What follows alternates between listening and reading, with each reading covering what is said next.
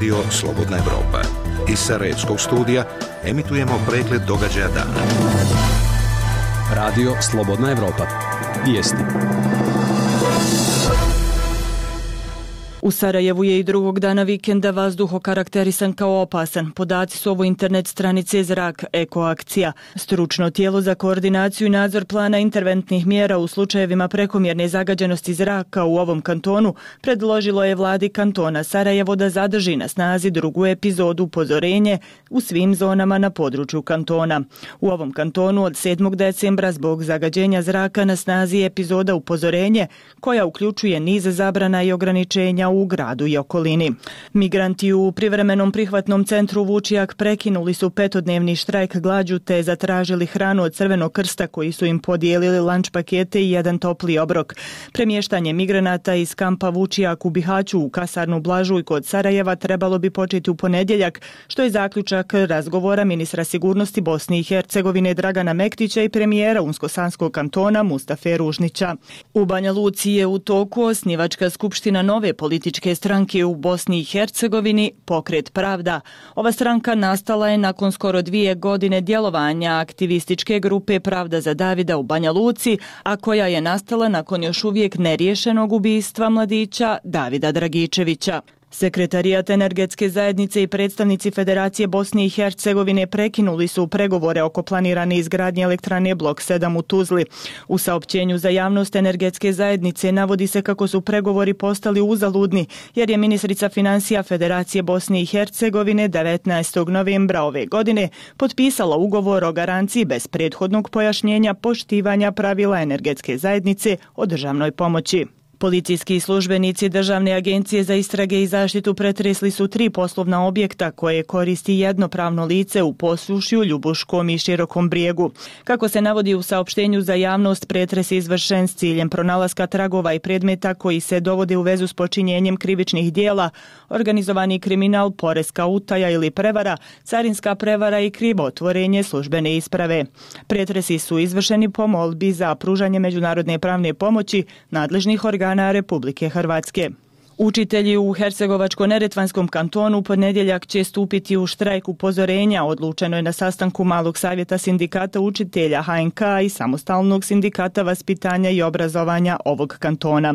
Sindikati traže povećanje koeficijenta složenosti za 10% od početka naredne godine, ubrzanje isplate po pravosnažnim presudama i poštivanje reda, te hitno stavljanje u raspravu zakona o osnovnom vaspitanju i obrazovanju i prečkolskim standardima. Autobusa turistima iz Sjeverne Makedonije prevrnuo se kod Prokuplja na jugu Srbije. Povrijeđeno je 15 turista iz Sjeverne Makedonije koji su putovali na Kopaonik. Među njima dvoje je zadobilo teške povrede. Na mjestu nesreće obavljen je uviđaj, a istraga će utvrditi uzrok prevrtanja autobusa. Novi zemljotres registrovan je u Albaniji magnitude 4,2 stepena po Richteru, a osjetio se i u Crnoj gori. Zemljotres je registrovao se izmološki zavod Crne gore 15 minuta poslije ponoći, a epicentar je bio 18 km južno od Medove. Nema podataka o materijalnim štetama. Najmanje 43 osobe su poginule u požaru koji je zahvatio fabriku ručnih tašnji u New Delhiju. Fabrički prostor bio je pun zapaljivih sirovina i materijala zbog kojih se požar lako proširio. Iz vatrogasne službe kažu da je do sada spašeno više od 50 ljudi. Uzrok požara se istražuje. Hiljade demonstranata izašle su na ulice Hong Konga kako bi obilježili pola godine od početka antivladinih protesta u toj poluautonomnoj kineskoj regiji. Policija je izdala dozvolu za mir mirnu protestnu šetnju, što je rezultiralo masovnim odzivom demonstranata. Policija je privela 11 osumljičeni za planiranje izazivanja nereda na protestima. Sutra se u Bosni i Hercegovini očekuje umjereno do pretežno oblačno vrijeme. Po kotlinama Bosne i uz riječne tokove sa maglom i sumaglicom. Poslije podne i u večernjim satima u Hercegovini, zapadnim i sjeverozapadnim područjima Bosne se očekuje kiša. Temperature od 0 do 14 stepeni Celzijusa. Vijesti pri pripremila i čitala Selma Boračić-Mršo. Radio Slobodna Evropa, program za Bosnu i Hercegovinu. Na vratima Evrope. Emisija o evropskim integracijama.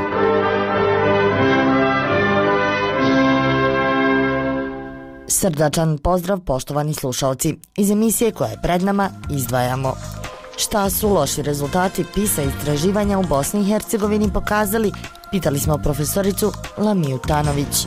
Mislim da u svim zemljama ovog e, zapadnog Balkana jel, je nekako uh, obrazovanje nije došlo e, među prioritetne teme kojima se bave oni u zemlji koji odlučuju o svemu. Znači naša politika u Bosni i Hercegovini pogotovo. Kako migracije utiču na ekonomski život Bosne i Hercegovine? Nemamo prostora za podržavanje velikih investicionih projekata, nego se svodimo na to da u principu refinanciramo e, već postojeće izloženosti. Vi ako se okrenete oko sebe, ne znam da li vidite negdje neki kran da, da stoji ili neku, neku, neki bager koji kopa negdje neku već, i radi se o nekoj većoj investiciji. Da se može efikasno upravljati otpadom, naročito plastičnim, pokazuju građani Tešnja. To je fino za našu okolinu i tako ne baca se u rijeku, ne baca se u plavo, nigdje smeće. To je potrebno društvu, kad imam nešto ubacim. Bacam i ja, meni se sviđa ovo da se ne razbacuje po putu i ovako okolo. Toliko u uvodu. Vraćamo se najavljenim sadržajima. Na vratima Evrope. Bosna i Hercegovina je zauzela 62. mjesto od 79 zemalja svijeta u najvećem globalnom istraživanju u obrazovanju PISA za 2018. godinu, a svaki drugi testirani učenik ocijenjen je kao funkcionalno nepismen. Objavili su ovo predstavnici Agencije za predškolsko osnovno i srednje obrazovanje Bosne i Hercegovine. Ovaj test dao je i realne, međunarodno mjerljive pokazatelje o kvalitetu obrazovanja u Bosni i Hercegovini, odnosno kakvim znanjem, vještinama i kompetencijama raspolažu učenici. Rezultati testa nisu iznenađujući za profesoricu Lamiju Tanović, članicu Evropske akademije nauka, jer kako kaže obrazovanje zemlji nije prioritetna tema. Za mene je to sasvim očekivano, za mene je to sasvim razumljivo, obzirom na našu nedavnu prošlost od zadnjih tri, tri decenije recimo i mislim da u svim zemljama Zapadnog Balkana je nekako uh, obrazovanje nije došlo e, među prioritetne e, teme kojima se bave oni u zemlji koji odlučuju o svemu. Znači naša politika u Bosni i Hercegovini pogotovo. Drugo, mi smo administrativno prilično neobično uređeni, znači mi imamo najmanje 12 obrazovnih vlasti, vrlo heterogen sistem, tako da se teško dogovaramo, teško odlučujemo o nekim dobrim projektima za sve. Finansijski obrazovanje nije podržano kako treba, jer je i to jedan od parametara generalno zašto neki učenici pokazuju lošije rezultate. Dalje, selekcija naših nastavnika je pogrešna, obuka naših nastavnika je također neadekvatna, dakle bi bi morali podhitno da učinimo sve kako bi se na nastavničke fakultete upisivali prvo najbolji studenti, a to nije slučaj i to ne bez razloga, zato što je eh, finansiranje nastavnika katastrofalno, to bi trebalo biti i e, jako dobro plaćeni ljudi. Sve to na neki način ima kao rezultat to da su naši e, učenici loši u sve tri oblasti. A pogotovo u pismenosti prirodnih nauka gdje su fizika, hemija, biologija, gdje treba, gdje treba opreme, gdje treba vrlo dobrih nastavnika koji će biti u stanju da te neke lekcije dobro približe ovaj učenicima. Ne postoji ekonomija dobra bez dobrog obrazovanja. Znate ona evropsku devizu, ekonomija bazirana na znanju, ali upotrebljivom znanju. Znači, ova PISA i jeste u tome da ispituje koliko je upotrebljivo znanje kojim punimo glave naših učenika. Loš kvalitet obrazovanja, finansijska i politička nesigurnost, mlade željne znanja i posla odvodi sve dalje od Bosne i Hercegovine. O izazovima koje nose migracije, ali i o tome kako upravo ljudi koji odlaze danas mogu doprinijeti razvoju Bosne i Hercegovine, govorilo se na konferenciji Ekonomija i integracija koja se održala u Tuzli, a pratila je Maja Nikolić. Zbog sve većeg odlaska ljudi iz Bosne i Hercegovine najviše trpi ekonomija ove zemlje koja je već postala izložena političkoj nestabilnosti, upozorava generalna direktorica NLB banke Lidija Žigić. Ako uzmemo obzir da su investicije veoma limitirane iz razno raznih razloga u našoj zemlji i da mi u suštini kao bankarski sektor smo suočeni sa situacijom da nemamo prostora za podržavanje velikih investicionih projekata, nego se svodimo na to da u principu refinanciramo E, već postojeće izloženosti. Vi ako se okrenete oko sebe, ne znam da li vidite negdje neki kran da, da stoji ili neku, neku, neki bager koji kopa negdje neku već, i radi se o nekoj većoj investiciji, tako da se nadamo da će se konačno i sa uspostavom evo, e, vlasti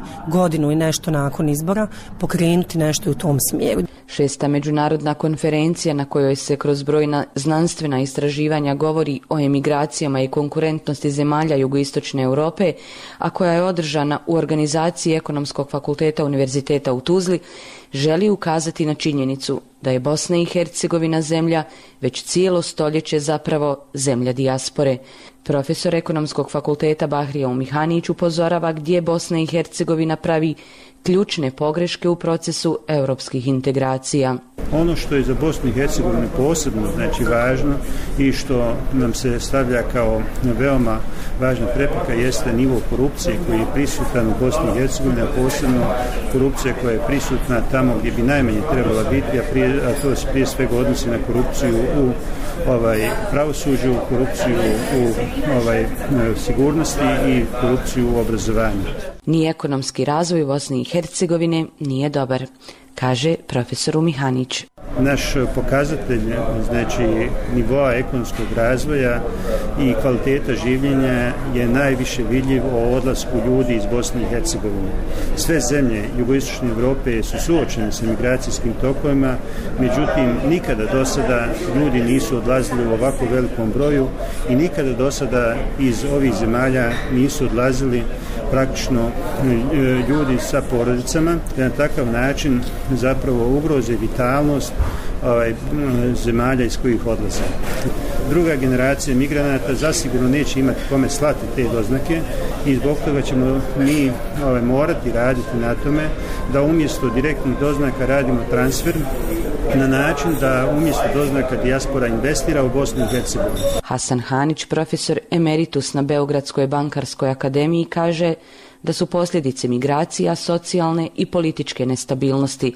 Profesor Hanić smatra da su s ekonomskog aspekta migracije opravdane. Radi se naprosto o slobodi seljenja rada, odnosno radne snage, poput seljenja kapitala. Opšte je univerzalno ekonomsko pravilo da u zemljama ovog regiona se suočavamo sa problemom nedovoljno visokih stopa ekonomskih rasta, relativno visoke stope nezaposlenosti i relativno niskih primanja. Odlaze u druge zemlje gde mogu brže doći do posla, gde imaju bolje materijalne uslove za razvoj i ono što je važno to je kada je reč o političkom faktoru, rizici u pogledu stabilnosti, sistema, institucija, zemalja u koje najčešće odlaze.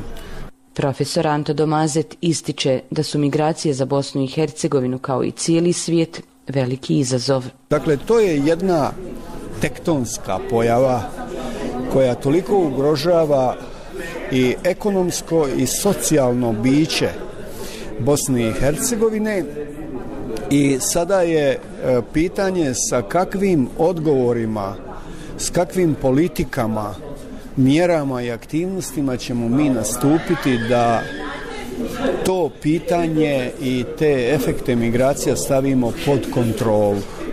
Sada, pošto migracije djeluju isključivo na bazi poticaja na bazi poticaja zemalja imigracija, dakle na bazi njihove privlačnosti za migrante i na bazi liberalizacije viznog režima. Samo postoje faktori koji istiskuju ljude iz Bosne i Hercegovine zbog općeg nezadovoljstva kvalitetom života. Ključna poruka međunarodne konferencije o migracijama je da Bosna i Hercegovina na svoju dijasporu treba računati u ekonomskom razvoju, isto kao što zemlje svijeta u koje odlaze Bosanci i Hercegovci se oslanjaju na njih zbog veoma kvalitetnog obrazovanja. Mladi i evropske integracije. Nakon niza administrativnih i političkih blokada raspisan je tender za izbor izvođača radova na izgradnji regionalnog vodovoda Plava voda, a prvi radovi se očekuju sredinom iduće godine. Početak izgradnje vodovoda za oko 250.000 stanovnika Travnika, Novog Travnika, Busovača i Zenice, najavljivan je još u 2016. godini, a umjesto da već bude završen, projekt je do danas na samom početku. Zašto čućemo od Marija Augustinović? Izgradnja vodovoda Plava voda trebala bi početi sredinom naredne godine, a očekuje se da radovi traju najmanje dvije i pol godine, kaže direktor poduzeća Plava voda Travnik Ernad Granić. Vodovod bi trebao pokrivati područja Travnika, Novog Travnika, Busovače i Zenice, a za izgradnju je predviđeno 22 miliona eura kreditnih sredstava Evropske banke za obnovu i razvoj i Razvojne banke Vijeća Evrope. Raspisan je tender za izbor izvođača radova koji uključuje izgradnju regionalnog vodovoda, a uključuje i turističko uređenje u zoni, turističkoj zoni Travnika, ako je zelišta plava voda, zatim izgradnju vodozaštne zone, odnosno provođenje svih radova potrebnih za vodozaštnu zonu. Naravno, izgubilo se do nešto vremena i mi plaćamo neki danak tome određene eh, administrativne stvari, odnosno dozvole saglasnosti moramo ponovo obnavljati jer je to isteklo u, tlo, u tom periodu dok se traža neke modusi da se da sada projekat nastavi. Iako su radovi trebali početi još 2016. godine te do danas biti završeni, izgradnju vodovoda Plava voda blokirale su brojne administrativne i političke prepreke. U martu ove godine govorilo se čak i o propasti cijelog projekta zbog problema u Zeničko-Dobojskom kantonu, gdje se čekalo na kantonalnu vladu da potpiše obećanu garanciju za kreditno zaduženje kod EBRD-a. A da je zastoj donio samo štetu građanima koji godinama čekaju na ovaj vodovod, kaže Asim Mekić, načelnik općine Busovača.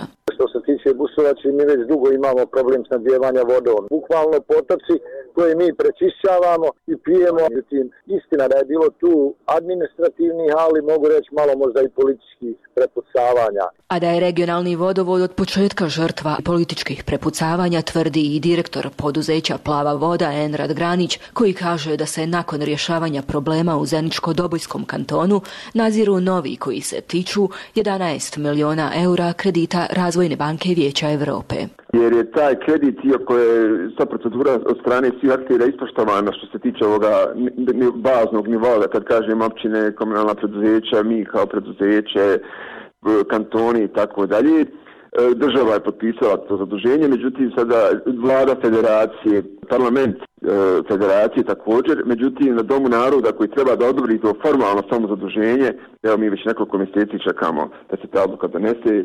Priču o izgradnji regionalnog vodovoda Plava voda građani Srednje Bosne slušaju već 30 godina, ocjenjuje Dalio Sijah, urednik na portalu Istinomir. Kako kaže, konkretne obećanja i najave uglavnom se aktualiziraju u predizborno vrijeme. To je tradicionalno u Bosni i Hercegovini, veliki projekti se obećavaju u predizborno vrijeme, godini u kojoj će se održati izbori, u ovom slučaju lokalni izbori naredne godine, ponovo se aktualizira priča o gradnji vodovoda plava voda, e, tako da evo do sada već u 2019. godini voda je već trebala da bude u Česloma, tako da ovaj samo nam ostaje sada da vidimo da li će nakon ovih posljednjih najava o raspisivanju tendera i o početku e, gradnje vodovoda naredne godine, što je opet jel, indikativno priporna godina, tako da vidjet ćemo šta će da se desi u tom pravu.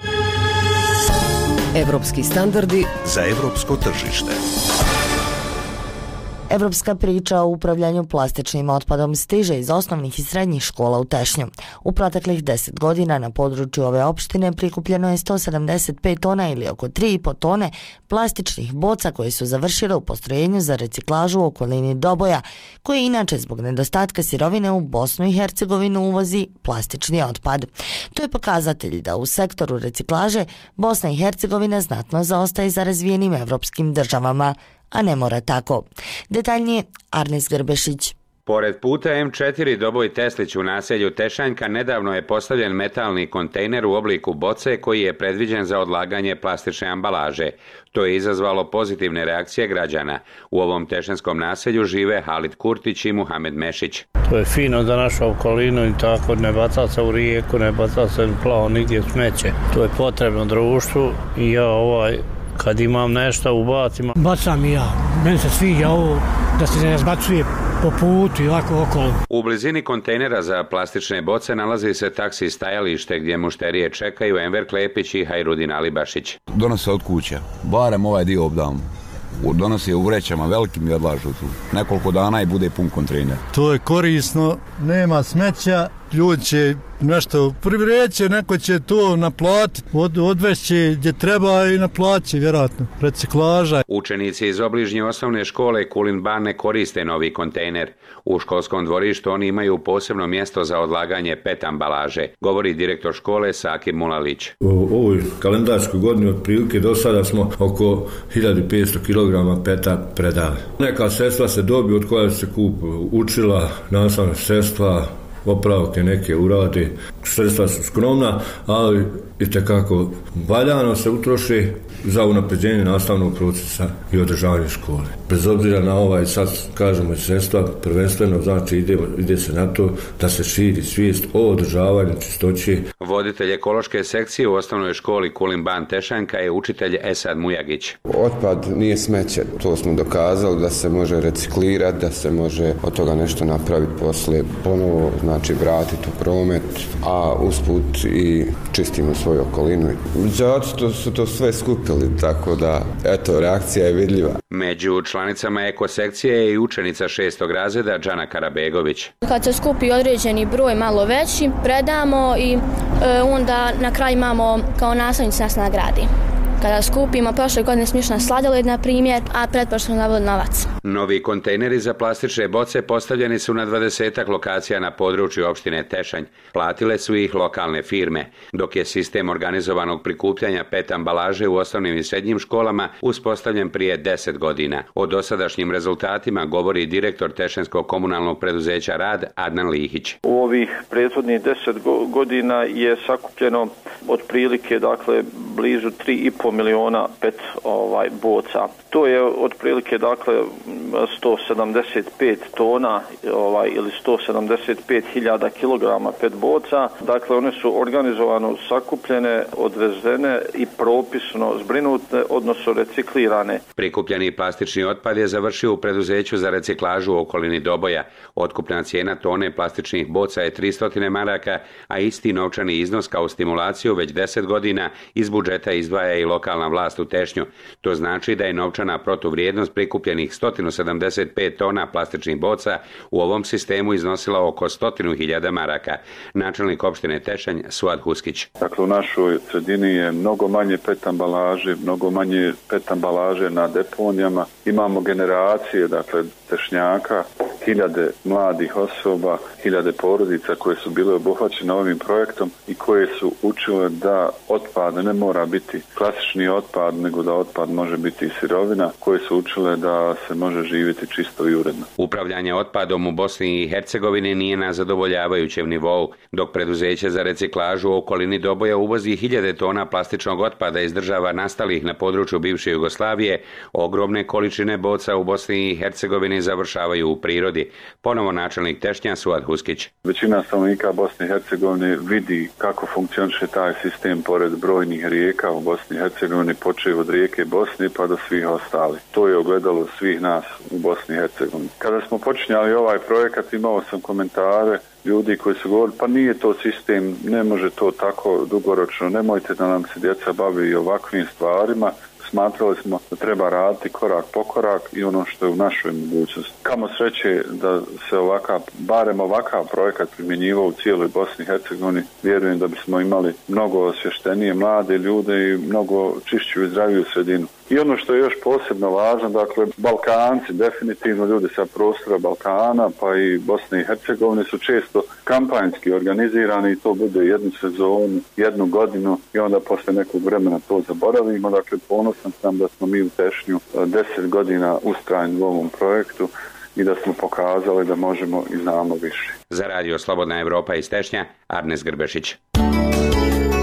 Slušate program radija Slobodna Evropa. U okviru međunarodne kampanje 16 dana aktivizma protiv rodno zasnovanog nasilja, Brčanska udruženja koja okupljaju žene organizirala su niz aktivnosti kako bi ukazala na ovu negativnu pojavu koja je prisutna i u toj lokalnoj zajednici. Prenosi Zoran Matkić. Tatjana Ristić, predsjednica Brčanskog udruženja aktivnih žena Gender, kaže da je svaka treća žena u Bosni i Hercegovini od svoje 15. godine izložena nekom obliku nasilja, dok je svaka peta pretrpjela izravno fizičko nasilje. I u Brčko distriktu, kao i prethodnih, i ove godine bilježe pojave nasilja nad ženama. Svaka institucija ima svoje informacije. U policiji Brčko distrikta je prijavljeno 10 slučajeva nasilja u porodici, od toga je 9 upućeno u tužilaštvo. U e, tužilaštvu je primljeno 16 slučajeva nasilja u porodici, od toga je 10 krenulo u proces ovaj, suđenja.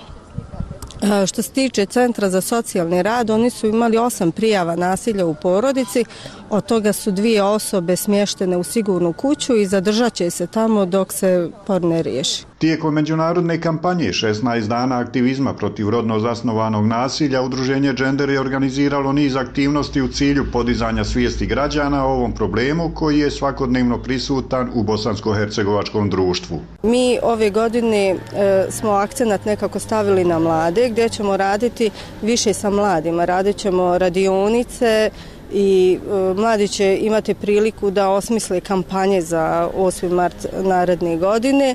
Također će na jednom okruglom stolu oni da se upoznaju sa predstavnicima institucija i da im predstavnici institucija objasne e, šta koja institucija u lancu ovaj e, radi kad, je, kad se prijavi nasilje u porodici. U aktivnosti udruženja žena Gender uključile su se i članice udruženja žena Hanume iz Bačko distrikta predsjednica udruženja Enesa Lišić.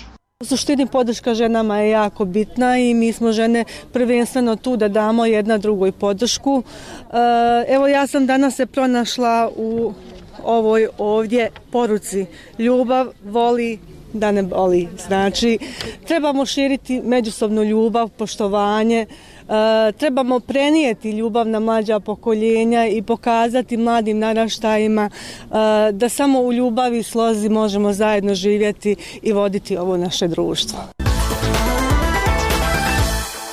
Obrada vune u duhu tradicijskog stila bila je tema radionice koju je u Livnu u svom prostoru upriličio Franjevački muzej i galerija Gorica Livno. Organizatori su radionicom i udruženjem željeli upoznati mlađu publiku s tradicionalnom obradom vune i danas već zaboravljenim običajima. U tome su im svesrdno pomogli članovi Livenskog kulturno-umjetničkog društva Tribanj. Pratila Željka Mihaljević. Na tradicionalnom narodnom sjelu čule su se gusle, žene su uz pjesmu čupale vunu. Bila je to prigoda za posjetitelje da se i sami okušaju davno zaboravljenim običajima i životu bez medija, što je bio cilj radionice, ističe Jela Duvnjak, viša kustosica Livanjskog Franjevačkog muzeja i galerije Gorica. Kad se narod skupljao na jednom mjestu, kad se razvaja, razvijao integritet, identitet, prenosili priče, pjesme, ajmo reći, tradicija. Tih sjela prisjetila se i Anja Vrdoljak, koja se nakon ostvarene mirovine u Njemačkoj prije 12 godina vratila u rodni kraj. Kad sam bila mlada, mi se ovako skupi doći žene starije i da mi curce uleti pa pomozi im malo. Uz to što su vidjeli pa i probali postupke čupanja i obrade vune na grebenima i gargašama, te konačnog dobivanja niti predenjem, posjetitelji su u stalnoj arheološkoj muzejskoj postavci mogli vidjeti i najstariju sačuvanu vunenu tkaninu u Evropi, stariju i od Mojsija muzejska savjetnica Marija Marić Baković. To platno e, je nađeno u prapovijesnom tumulu na Kupraškom polju u kojem je bio e, pokojnik omotan e, vunenim plaštom. A taj najznačajniji muzejski eksponat poznati Kuprešak pronađen je u arheološkom istraživanju 1983. godine. Uz promatranje ili aktivno sudjelovanje u obradi vune u tradicijskom ozračju posjetitelji su uživali i u tradicijskoj hrani, ugodnom druženju i pjesmi.